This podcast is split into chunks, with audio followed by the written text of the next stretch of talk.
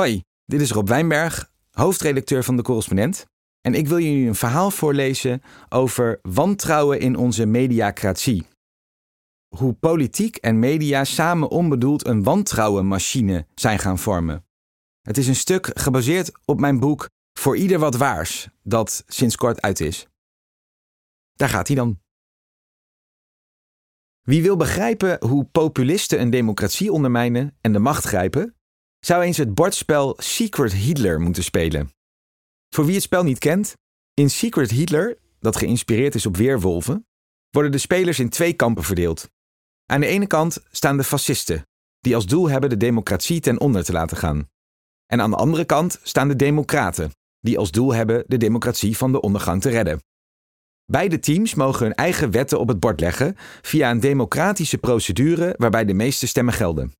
Wie het eerste het bord vollegt met zijn wetten, heeft gewonnen. De Democraten hebben daarbij één groot strategisch voordeel. Zij zijn in het spel namelijk altijd in de meerderheid. Zouden de Democraten samenwerken, dan kunnen ze haast niet verliezen. De wetten worden immers door de meerderheid van de stemmen bepaald. De Democraten hebben echter ook één groot nadeel. Anders dan de fascisten weten zij niet wie bij hun groep hoort. Daardoor hebben zij er een groot belang bij om zoveel mogelijk de waarheid te spreken. Alleen door waarachtig te zijn over hun politieke kleur, kunnen de andere democraten aan tafel ontdekken wie bij hen hoort en wie niet. Doen ze dat niet, dan tasten ze in het duister over wie nu wel of niet een democraat is. De fascisten daarentegen hebben geen enkel belang en geen enkele noodzaak om eerlijk te zijn. Zij weten immers al van elkaar wie bij hen hoort, en als de democraten dat ook ontdekken, kunnen die samenspannen en de fascisten bij meerderheid van stemmen uitschakelen. Het ligt voor de fascisten dus voor de hand om te liegen over hun bedoelingen. Maar, ontdek je gaandeweg het spel, de fascisten hebben nog een veel effectiever wapen in handen om het spel mee te winnen dan liegen. Leugens kunnen helpen bij het verhullen van hun antidemocratische intenties, maar nog beter is het om argwaan bij de democraten onderling te kweken over hun geloofwaardigheid. Zolang de democraten elkaar namelijk niet vertrouwen, en niet van elkaar geloven dat ze zijn wie ze zeggen te zijn, zullen ze geen succesvolle meerderheid kunnen vormen. Zolang bij de Democraten het wantrouwen tegenover elkaar overheerst, werken ze niet samen en hebben de fascisten vrij spel. Het spel is daarmee de perfecte bordkartonnen illustratie van hoe populisten in de echte wereld hun macht verwerven en de democratie ondermijnen. Leugens zijn daarbij een handig hulpmiddel, maar hun grootste wapen is wantrouwen. Want door wantrouwen te kweken ondermijnen populisten effectief de geloofsgemeenschap die een democratie moet zijn om te kunnen functioneren. Een democratie met een vrije pers, een onafhankelijke rechtspraak en een eerlijke volksvertegenwoordiging is namelijk precies zo sterk als het vertrouwen dat burgers in haar hebben. Brokkelt dat vertrouwen af, dan brokkelt ook de democratische gemeenschap zelf af. Zoals de Democraten in Secret Hitler verloren zijn als ze niet van elkaar geloven dat ze bij elkaar horen. Populisten kweken dat wantrouwen deels door onwaarheden te verkondigen over gevestigde opvattingen, over klimaatverandering bijvoorbeeld, of over groepen mensen die ze als schuldigen van alle problemen aanwijzen. Maar meer nog doen zij dat, net als in het bordspel, door de geloofwaardigheid van de bronnen van die waarheden in twijfel te trekken. Ze noemen journalisten bijvoorbeeld rioolratten, die onwaarheden verspreiden of politiek gekleurd zijn, de mainstream media. Ze betichten collega-politici van leugens of valse beloften, nep-parlement. Ze schilderen rechters af als corrupt of politiek gemotiveerd, D66ers in toga. Ze beschuldigen wetenschappers van activisme of vooringenomenheid, de woke-politie. Ze bestempelen kunstenaars als heimelijke propagandisten, een linkse hobby. Ze wekken kortom argwaan over de motieven en agenda's van de hoeders van de democratie en proberen het systeem zo van binnenuit te ondermijnen. Want media, politiek, rechtspraak, wetenschap en kunst die niet worden vertrouwd, verliezen hun bestaansrecht. De leugen is het middel, wantrouwen is het doel. Nepnieuws, dat door de opkomst van sociale media een steeds grotere rol in het publieke debat is gaan spelen en door populisten vaak gretig wordt gedeeld, werkt op bijna exact dezelfde wijze. Vaak wordt nepnieuws gedefinieerd als leugens verpakt als nieuws. En tot op zekere hoogte klopt die definitie. Maar meer nog dan onwaarheden in een journalistiek sausje, is nepnieuws een middel om wantrouwen te kweken. De essentie van nepnieuws is niet dat het onwaarheden bevat, ook al is dat een karakteristieke eigenschap, zijn essentie is dat het een geloofsgemeenschap ondermijnt. Door voortdurend alternatieve feiten tegenover mainstream feiten te plaatsen, zorgen de verspreiders van nepnieuws dat de democratische gemeenschap haar eigen fundamenten en vertegenwoordigers, de politiek, de rechtsstaat, de journalistiek, steeds minder vertrouwt. En aan precies dat onderlinge wantrouwen ontlenen populisten hun machtsbasis. Populisme en nepnieuws, en de algoritmen die ontworpen zijn om ze aan een zo groot mogelijk publiek te voeren, zou ik als de voornaamste bronnen van het groeiende wantrouwen in onze democratische samenleving aanwijzen. Maar een van de grotere onderbelichte problemen in onze mediacratie is dat ook de normale nieuwsdynamiek en de politici die daar de hoofdrol in spelen, onbedoeld bijdragen aan deze cultuur van wantrouwen. Ik zeg met nadruk onbedoeld, omdat nieuwsmedia niet de intentie koesteren een sfeer te kweken waarin wantrouwen gedijt. Maar de aard van hun product, nieuws, de basishouding van het journalistieke beroep, controle van de macht, en de prikkels in het ecosysteem waarin nieuwsmakers opereren, aandacht trekken, advertenties verkopen, hebben wel onbedoeld dat effect. Hetzelfde geldt voor de politici die in dit mediasysteem hun machtsbasis moeten zekerstellen. De politicus die niet opereert volgens de wetten van de mediadynamiek, zal niet de aandacht genereren die hij nodig heeft om verkozen te worden. En wie dat wel doet, draagt al snel bij aan de sfeer van wantrouwen waar onze mediacratie onder te lijden heeft. Hoe media en politiek samen deze sfeer van wantrouwen precies voeden, is goed te illustreren aan de hand van een van de grootste politieke affaires uit de recente Nederlandse geschiedenis, de toeslagenaffaire. Velen kennen de toeslagenaffaire als het schandaal waarbij tienduizenden gezinnen door een klopjacht van de overheid de vernieling in werden geholpen op basis van onterechte verdenkingen van fraude met kinderopvangtoeslagen. Een administratieve fout of een onbedoelde betalingsachterstand werd door de Belastingdienst genadeloos vervolgd en leidde zo tot terugvordering van soms wel tienduizenden euro's aan ontvangen toeslagen. Vaak met desastreuze gevolgen. Mensen die in de schuldsanering belanden, hun baan verloren, dakloos werden, hun kinderen uit huis geplaatst zagen. Maandenlange ophef in de media en in de Tweede Kamer leidde uiteindelijk tot de val van het derde kabinet Rutte en een miljardencompensatie voor de slachtoffers. Ophef die goed te begrijpen is, gezien de immense persoonlijke schade die de affaire berokkende. Maar, zoals collega Jesse Frederik uit de doeken doet in zijn boek Zo hadden we het niet bedoeld, de tragedie achter de toeslagenaffaire, was de toeslagenaffaire jaren eerder begonnen met maandenlange ophef in de media en de Tweede Kamer over precies het omgekeerde: fraude met toeslagen. We schrijven de lente van 2013.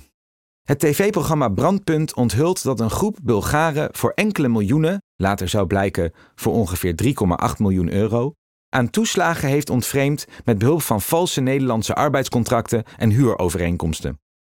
Een dag later zendt ook RTL Nieuws een nieuwsitem uit over deze Bulgare-fraude en de dag daarop weer. De verontwaardiging in de pers en de politiek is enorm. Media spreken schande van de grootschalige, omvangrijke, brutale fraude. Journalist Nausicaa Marbe schrijft dat de Nederlandse overheid een virulent wantrouwen jegens de mens zou moeten koesteren om dit soort Oost-Europees jat- en liegwerk tegen te gaan. Journalist Bert Wagendorp verbaast zich erover dat er bij de VVD kennelijk een groot geloof heerst in de oprechtheid van de mens. Dat is op zich te prijzen, zegt hij, maar het kost wel klauwen met geld. Journalist Shaila Sitalsing vraagt zich ondertussen af of zij de enige sukkel in het ganse land en ver daarbuiten is die niet in een hangmat in Marbella ligt, met dank aan royale voorschotten huur, kinderopvang en zorgtoeslag. Ook Kamerfracties, van links tot rechts, zeggen diep geschokt te zijn door de fraude en eisen maatregelen van de staatssecretaris. Kamerlid Henk Nijboer van de Partij van de Arbeid noemt de fraude vergif onder het draagvlak van sociale voorzieningen. Fraude, zegt hij, moet worden aangepakt. Pieter Omzicht, dan nog CDA, valt hem in nog hardere bewoordingen bij.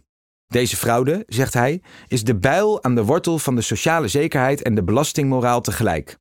Het bestrijden van fraude, vindt hij, moet topprioriteit zijn. We hebben namelijk genoeg maatregelen voor de bühne gezien. We zien extra strafbaarheidsstellingen, maar worden er nu mensen gepakt? De aanhoudende ophef in pers en kamer leidt uiteindelijk tot het strengste antifraudebeleid uit de vaderlandse geschiedenis. Zero tolerance is voortaan het devies.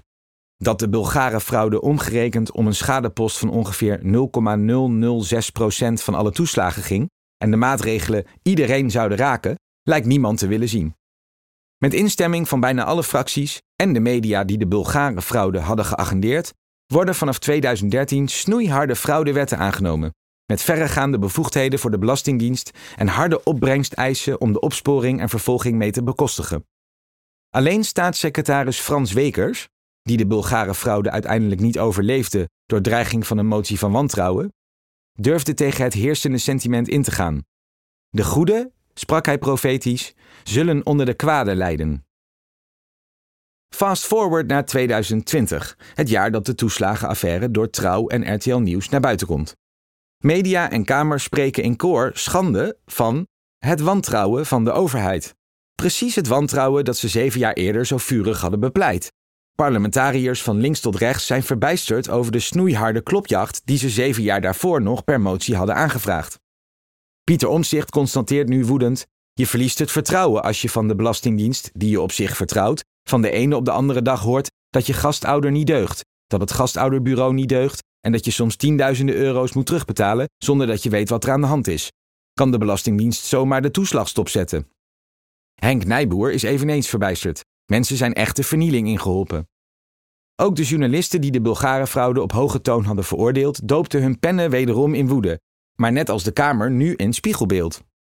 Nausicaa Marbe, die eerder virulent wantrouwen adviseerde tegen Oost-Europese dieven, concludeert in de Telegraaf: We leven in een land waar bestuurd wordt op basis van wantrouwen en een verstikkende regelzucht gebaseerd op een negatief mensbeeld. Bert Wagendorp, die vertrouwen in de oprechtheid van de mens eerder nog klauwen met geld zag kosten, schrijft in de Volkskrant over een moeilijk uit te roeien zieke cultuur. Er lijkt bij de Belastingdienst sprake van onberedeneerde haat tegen de burgers. Frauduleuze oplichters die moeten worden gesloopt. Shaila Sital Singh, die zich eerder afvroeg of zij de enige sukkel was die niet profiteerde van het royale toeslagensysteem, concludeert in diezelfde krant: Het vijandbeeld dat de boven ons gestelde hebben van ons, de kleine mensen, laat zich lastig afschaffen. Zie daar de nieuwsdynamiek in haar slechtste vorm. Als permanente verontwaardiging zonder richtingsgevoel. Alles een schande vinden, maar nergens de samenhang inzien. Voortdurend het vertrouwen in mensen als naïef en goedgelovig afschilderen, om vervolgens schande te spreken van het zwartgallige mensbeeld dat daarmee wordt gekweekt. Nieuws, zou je kunnen zeggen, wordt op die manier een aanklacht zonder baseline. Daarmee bedoel ik, het heeft geen inhoudelijk vertrekpunt waaraan het zijn verontwaardiging toetst. Wat zou een acceptabele hoeveelheid fraude zijn in een toeslagensysteem van 19 miljard euro? En wat zou een onacceptabele mate van bestrijding zijn als we ervan uitgaan dat een controlesysteem nooit waterdicht is? Omdat zulke baselines ontbreken, kan het nieuwssysteem de ene dag schande spreken van de laksheid waarmee fraude wordt aangepakt, en de andere dag, met dezelfde mate van verontwaardiging, van de genadeloosheid waarmee je voor fraudeur wordt aangezien. Een systeem waarin zowel nieuwsmedia als de politieke hoofdrolspelers dezelfde rol spelen, van aanklager zonder baseline. Dit soort baseline-loze verontwaardiging is niet uniek aan de toeslagenaffaire, maar komt vaker in onze nieuwsvoorziening voor. Neem als voorbeeld uit vele dit bericht van de NOS uit 2022. De titel was RIVM hield rekening met catastrofale impact corona, maar deelde dat niet met het publiek. Een klassiek nieuwsverhaal, zoals je dat vaak ziet, vol wantrouwenwekkende signaalwoorden als zo blijkt uit duizenden e-mails, vrijgegeven door WOP-verzoeken over wat er achter de schermen allemaal plaatsvond. De strekking van het nieuws? Het RIVM misleidde de Nederlandse bevolking door niet te vertellen hoe groot het probleem van corona mogelijk zou kunnen worden. Maar werd de Nederlandse bevolking hier nu werkelijk misleid? Of is het, zoals het RIVM ook uitgebreid toelicht in zijn reactie aan de NOS, niet meer dan logisch om rekening te houden met worst-case scenario's? En is het niet eveneens logisch om die scenario's niet onmiddellijk openbaar te maken, als er nog te veel onduidelijk en onzeker is om geen voorbarige onrust onder de bevolking te veroorzaken? Medewerkers van het RIVM zullen bij het lezen van dit nieuws zeker hebben teruggedacht aan de Mexicaanse griep van 2009, toen media juist klaagden over alle onnodige angstzaaierij van het instituut. Veel angstaanjagende scenario's die ons de afgelopen maanden werden voorgespiegeld, zijn niet uitgekomen, stelde radioprogramma Argos destijds. Als je terugkijkt naar vorige uitbraken als SARS en de Mexicaanse griep, denk je achteraf toch: hoe dodelijk was het nu helemaal? concludeerde de adjunct hoofdredacteur van RTO Nieuws later. De achteraf onnodige aanschaf van miljoenen vaccins tegen de Mexicaanse griep heeft de staat ongeveer 144 miljoen euro gekost, constateerde datzelfde RTL Nieuws. Het is wederom een mooie illustratie van wat er gebeurt als de baseline ontbreekt om de verontwaardiging mee te staven. Dan kun je aanklagen in twee tegenovergestelde richtingen. Deelt de overheid geen rampscenario's met het publiek, dan heet dat achterhouden van informatie. Deelt ze de rampscenario's wel en valt de ramp achteraf mee, dan is er sprake van paniekzaaien, waardoor er onnodig veel geld aan vaccins wordt uitgegeven. Zo heeft de journalist altijd gelijk, terwijl de verantwoordelijken, die beslissingen moeten nemen zonder wijsheid achteraf, er altijd naast zitten. Hierdoor lijken nieuwsmedia kritisch, terwijl ze in feite eerder cynisch zijn. Het verschil is cruciaal omdat cynisme, anders dan kritiek, een voedingsbodem voor wantrouwen is. Wie eenmaal dit verschil tussen kritisch en cynisch ziet, kan het moeilijk meer niet zien. Neem het verkiezingsinterview uit 2021 van presentator Jeroen Wollaars met toenmalig CDA-leider Wopke Hoekstra. Ik kies bewust dit interview niet vanwege de presentator of zelfs het programma, maar omdat dit interview alom werd geprezen door vakgenoten en als maatgevend werd gezien voor hoe serieuze journalisten een politicus dienen te ondervragen. Het won zelfs de Sonja Barend Award voor Beste TV-interview van het jaar 2021. Dit was nou echt een uitstekend voorbereid interview, lichtte jurylid en trouwjournalist Maaike Bos destijds toe. Eigenlijk zou het altijd zo moeten gaan. Een interview, kortom, dat als exemplarisch kan worden beschouwd voor de hedendaagse journalistieke mores. Maar worden er in het interview inderdaad kritische vragen gesteld of eerder cynische vragen? Ik ontleed het interview hier stap voor stap en ik behandel daarbij alle vragen die in het interview werden gesteld om selectiviteit ten gunste van mijn punt te voorkomen. Hier de eerste zes vragen uit het interview.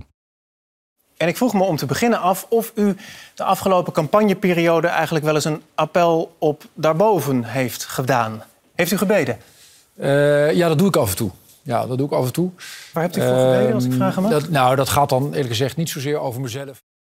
Ik vroeg het omdat wij uh, ook uw achterban gevraagd hebben hoe belangrijk zij het vinden dat de leider van het CDA christelijk is. En 60% zegt op die vraag uh, eens, 17% is het ermee oneens. En um, ik vroeg het ook omdat uw voorganger Hugo de Jonge ooit zei: Ik ga het CDA christelijk leiden. En toen dacht ik: Doet u dat eigenlijk ook? Want het programma uh, heette onder Hugo de Jonge in eerste instantie Zorg voor elkaar. Mhm. En uh, toen u hem opvolgde, heeft u er nu doorpakken van gemaakt.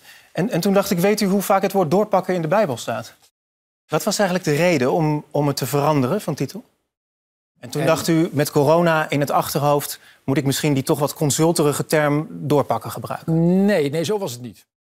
Zie daar, Zes openingsvragen die stuk voor stuk niet inhoudelijk zijn, maar vooral twijfel oproepen over de waarachtigheid van Hoekstra's christelijke inborst.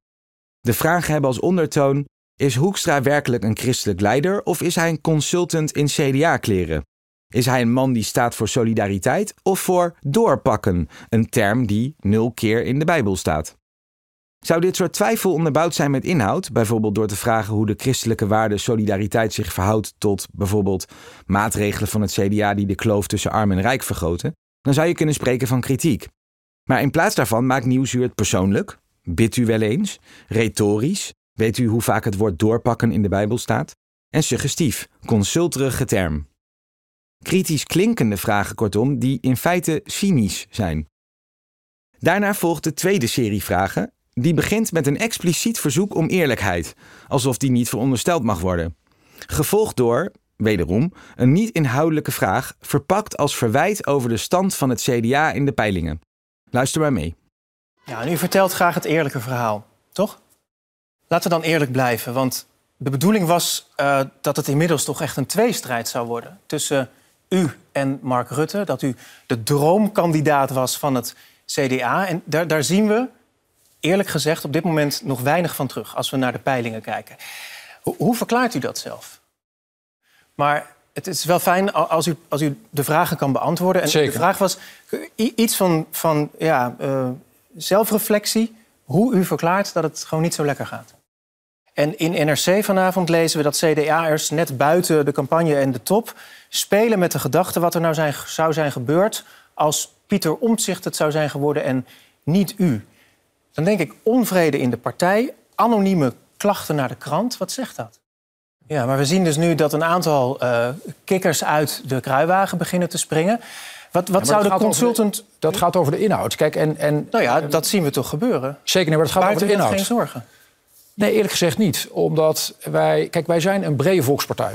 Met heel veel verschillende opvattingen, ook over allerlei thema's. En daarin is, het, is het prima dat vlak voor de verkiezingen iemand zich afvraagt... goed, hoe zou het eigenlijk zijn geweest als, als Omtzigt het gedaan had? Nee, maar daar, nee, het ging even over Van Helvert en... We zijn inmiddels op iets meer dan een kwart van het in totaal 37 minuten durende interview... en er is nog geen inhoudelijke vraag gesteld. Er is vooral wantrouwen gewekt. Over de waarachtigheid van Hoekstra als christen... over zijn positie als lijsttrekker... en over de oprechtheid van zijn antwoorden.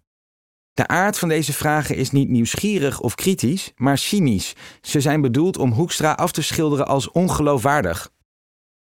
Pas na ruim 11 minuten volgt het eerste inhoudelijke onderwerp, de WW, een werkloosheidsuitkering waarvan het CDA de duur wil verkorten van 2 naar 1 jaar. Ook hier is niet de inhoudelijke grond of reden van de maatregel het vertrekpunt in de vraag, maar de onrust die er overheerst. Luister maar. Veel onrust, we zagen het was er gedurende de campagne over de WW. Veel over gezegd, maar nog niet alles over gevraagd. Waarom ineens ook dit plan? Snel daarna springt het gesprek naar twee andere enorme dossiers, het ontslagrecht en de eigen bijdrage in de zorg, en besluit Wollaars dit onderwerp met een vraag waar hij het antwoord zelf op weet en Hoekstra niet. Borstlap zegt ook, we moeten het ontslagrecht versoepelen. Bent u daar dan ook voor? Een eigen bijdrage bij de huisartsenpost hoe, hoe zit dat? Moeten mensen daarvoor gaan betalen? Ja, en, en, heel belangrijk. dat, betekent dat u wilt dat mensen daarvoor een eigen bijdrage gaan betalen. Hoe, hoeveel moeten mensen dan betalen daarvoor? Dat, dat, dat, gaat dan natuurlijk niet om grote bedragen. Maar ik vind wel dat je... Waarom hoeveel procent? Laten we het even heel concreet maken. Ik, ik, daar staat volgens mij geen percentage voor. Uh, maar, In uw verkiezingsprogramma staat 25 procent. Vervolgens vraagt Wollaars aan Hoekstra wat hij denkt als hij hoort dat de CDA-plannen onrust veroorzaken bij burgers waarop Hoekstra aangeeft altijd in gesprek te willen blijven met mensen over zijn politieke programma. Onmiddellijk wantrouwt de presentator Hoekstra's bereidheid te luisteren. Eh, ja, wat je uiteindelijk wil. Is... Wilt u nu weer nee, na afloop van een uitzending over nee, maar, ja, maar dat programma in debat met iemand? Nee, omdat ik, ik ben altijd geïnteresseerd om te kijken wat werkt bij dit soort dingen. dus, uh, ik maar is misschien naïef, maar dat is toch iets wat je van tevoren doet als je zo'n programma schrijft of de doorberekening opstelt? Maar ik ben nu, dit is het, acht weken lijsttrekker. Daarna volgt een uitstapje van twee minuten over het gebrek aan transparantie van het bestuur in Nederland. Collega-presentator Arjan Noorlander lijkt Wopke Hoekstra dit gebrek aan openheid persoonlijk aan te rekenen door het een Wopke-doctrine te noemen. Vervolgens gaat het gesprek weer van de inhoud af en naar de poppetjes. Opnieuw komt Pieter Omzicht ter sprake, die aan het begin van het gesprek al werd voorgespiegeld als de lijsttrekker die CDA'ers heimelijk hadden gewild, ook al werd Hoekstra democratisch door CDA-leden verkozen. En Omzicht eerder notabene de lijsttrekkingsverkiezing van Hugo de Jonge verloor. Nou goed, de naam Pieter Omzicht hangt natuurlijk eh, boven tafel. U kent hem goed. Wat, wat vindt u? Eh, komt hij beter tot zijn recht uh, in het bestuur of in de Kamer? Zou dus, u hem een dus, plek geven? Nou, zou het CDA meeregeren? En dan is dat natuurlijk een vraag die ik met hem zou bespreken. Maar daar heeft hij zelf ook wat van te vinden. Ja, ja. En is het dan logisch dat hij bijvoorbeeld ook, als hij dat zou willen... zou aanschuiven als uw uh, secondant bij uh, eventuele formatieonderhandelingen? Nee, maar goed, we dus- zijn in een verkiezingscampagne... en we maken nu met z'n allen personele afwegingen voor het bestuur van het Zeker. land. dus op dit moment gaan wij wel over u, het spijt me. En u vindt uh, Pieter Omtzigt belangrijk, dat zegt u. Uh, als hij zo belangrijk is uh, en de kiezer vindt hem ook belangrijk... dan hebben we toch recht om te weten of hij wat u betreft een belangrijke functie krijgt? Nee, het zijn wel twee verschillende dingen. Het gesprek eindigt met een vraag van een verontruste boer... die bang is dat het CDA haar landbouwgrond gaat afpakken om huizen te bouwen. Hetgeen Hoekstra ten stelligste ontkent. Waarop Wollaars de vraag opnieuw stelt zonder de kijker onderbouwing te geven van de stellingname die erin besloten ligt. Over de huizen. U wilt een miljoen huizen bouwen. En mevrouw Sloot zegt, waar? Want dat gaat niet zonder uh, aan landbouwgrond te zitten.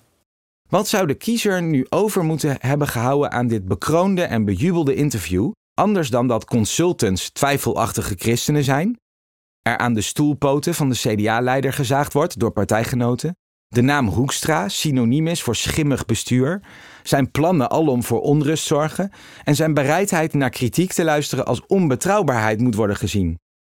Wat is de kijker kortom wijzer geworden, behalve dan dat politici niet te vertrouwen zijn? Wat was het doel van het interview anders dan de geïnterviewde in een retorische val te lokken? Een motief dat je niet eens van mij hoeft aan te nemen, want presentator Jeroen Wollars verkondigde zelf na het winnen van de Sonja Barend Award in de VARA-gids: Het klinkt oneerbiedig en het is niet het juiste woord, maar Hoekstra liep met open ogen in de valletjes die we voor hem hadden gezet. Het probleem van dit soort cynische journalistiek is dat het de inhoud naar de achtergrond doet verdwijnen, terwijl het wel voortdurend aanleiding tot woede of argwaan geeft. Niet verwonderlijk dus dat verontwaardiging zo dominant is in het publieke debat van nu. Verontwaardiging is immers woede met een kennisgat. Hoe is het mogelijk of hoe heeft dit kunnen gebeuren? Is de typische formulering van de verontwaardigde. Een formulering die niet alleen boosheid, maar ook een gebrek aan begrip van de redenen of oorzaken verraadt. Journalistiek die wel aanklaagt, maar geen oprecht antwoord zoekt op het hoe en waarom, voedt voortdurend die emotie. Politiek en media vormen zo samen een zichzelf versterkend samenspel van wantrouwen. Een machine die wantrouwen zelf etaleert, daardoor wantrouwen bij het publiek aanwakkert en dat wantrouwen vervolgens weer registreert als rechtvaardiging voor haar eigen wantrouwende blik op de wereld. Een onbedoeld samenspel met aandacht als doel, verontwaardiging als brandstof en ophef als product. Noem het de wantrouwenmachine. Het ironische resultaat? Datgene wat de democratie betrouwbaar moet houden, controle van de macht, maakt haar juist steeds minder vertrouwd. En juist in een samenleving die steeds minder een gedeelde realiteit heeft, ligt zulk wantrouwen in de democratie, in haar vertegenwoordigers en in elkaar zo steeds meer op de loer. Voor de goede orde, niet alle journalistiek is onderdeel van deze dynamiek. Maar veel nieuws dat het tot voorpagina, teletext en trending topic schopt, en bovendien ook nog eens in de journalistieke prijzen valt, is dat wel. De beste remedie die ik hiervoor kan bedenken is meer journalistiek gebaseerd op een kernwaarde waar nieuws uiteindelijk om draait: nieuwsgierigheid. Zulke nieuwsgierige journalistiek is kritisch op inhoudelijke gronden, maar vertrekt wel vanuit een bazaal vertrouwen in de waarachtigheid van de medemens en haar democratisch gekozen volksvertegenwoordigers. Het is journalistiek die vertrouwt totdat het tegendeel gerechtvaardigd is, in plaats van wantrouwt zonder ooit van het tegendeel overtuigd te willen worden. Journalistiek die aankaart zonder in alle richtingen aan te klagen. Die geen overdrijving nodig heeft om te laten zien hoe groot een probleem is. En die ook durft te benoemen wat goed gaat of werkt, ook al wordt dat door cynici weggezet als onkritisch of naïef. Journalistiek kortom die voortkomt uit oprechte vragen op zoek naar het beste antwoord dat op dat moment voorhanden is, totdat een beter antwoord zich aandient. Die blijft zoeken naar de waarheid in de wetenschap dat ze die nooit definitief zal vinden. Want waarheid is geen bordspel met winnaars en verliezers aan het eind. Waarheid is een zoektocht die alleen samen ondernomen kan worden. Wie niet geïnteresseerd is in waarheid, heeft een krachtig wapen in handen. Die kan de zoektocht saboteren door wantrouwen te zaaien en er zo met de macht, de aandacht en de kliks vandoor te gaan. Maar wie bereid is naar de waarheid te blijven zoeken, behoort tot een grote stille meerderheid van welwillende en eerlijke mensen. Een meerderheid die, als ze bereid is naar elkaar te luisteren en op elkaar durft te vertrouwen, onverslaanbaar is. Niet alleen in een bordspel, maar ook in een echte democratie. En dan nog even dit. Wil je helpen de correspondent verbeteren? Meld je dan aan voor ons ledenpanel. Al tien jaar maken jullie, onze leden, journalistiek voorbij de waan van de dag mogelijk. Niet alleen financieel, maar ook inhoudelijk. In de bijdragesectie verrijken jullie onze journalistiek met kennis en inzichten. Jullie stellen kritische vragen, geven interessante tips en wijzen ons op fouten. Ook sturen jullie veel ideeën over hoe we de website en de ervaring van leden beter kunnen maken. Omdat jullie feedback zo waardevol is gebleken, willen we de komende jaren nog meer samenwerken met leden, om zo de correspondent nog beter te maken. Ik zou het ontzettend leuk vinden als je je aanmeldt voor dit ledenpanel. Dat kan via de link in de show notes, want jouw hulp kunnen we heel goed gebruiken. De correspondent bestaat 10 jaar. Al tien jaar maken wij journalistiek voorbij de waan van de dag. Journalistiek die niet polariseert, maar perspectief biedt. Die geen ophef najaagt, maar oplossingen zoekt. Wist je dat de correspondent 100% door leden wordt gefinancierd? Dat betekent dat we ons werk alleen kunnen doen als luisteraars zoals jij ons steunen. Word vandaag nog lid. En draag bij aan diepgavende, advertentievrije en onafhankelijke journalistiek. Ga naar decorrespondent.nl en word lid.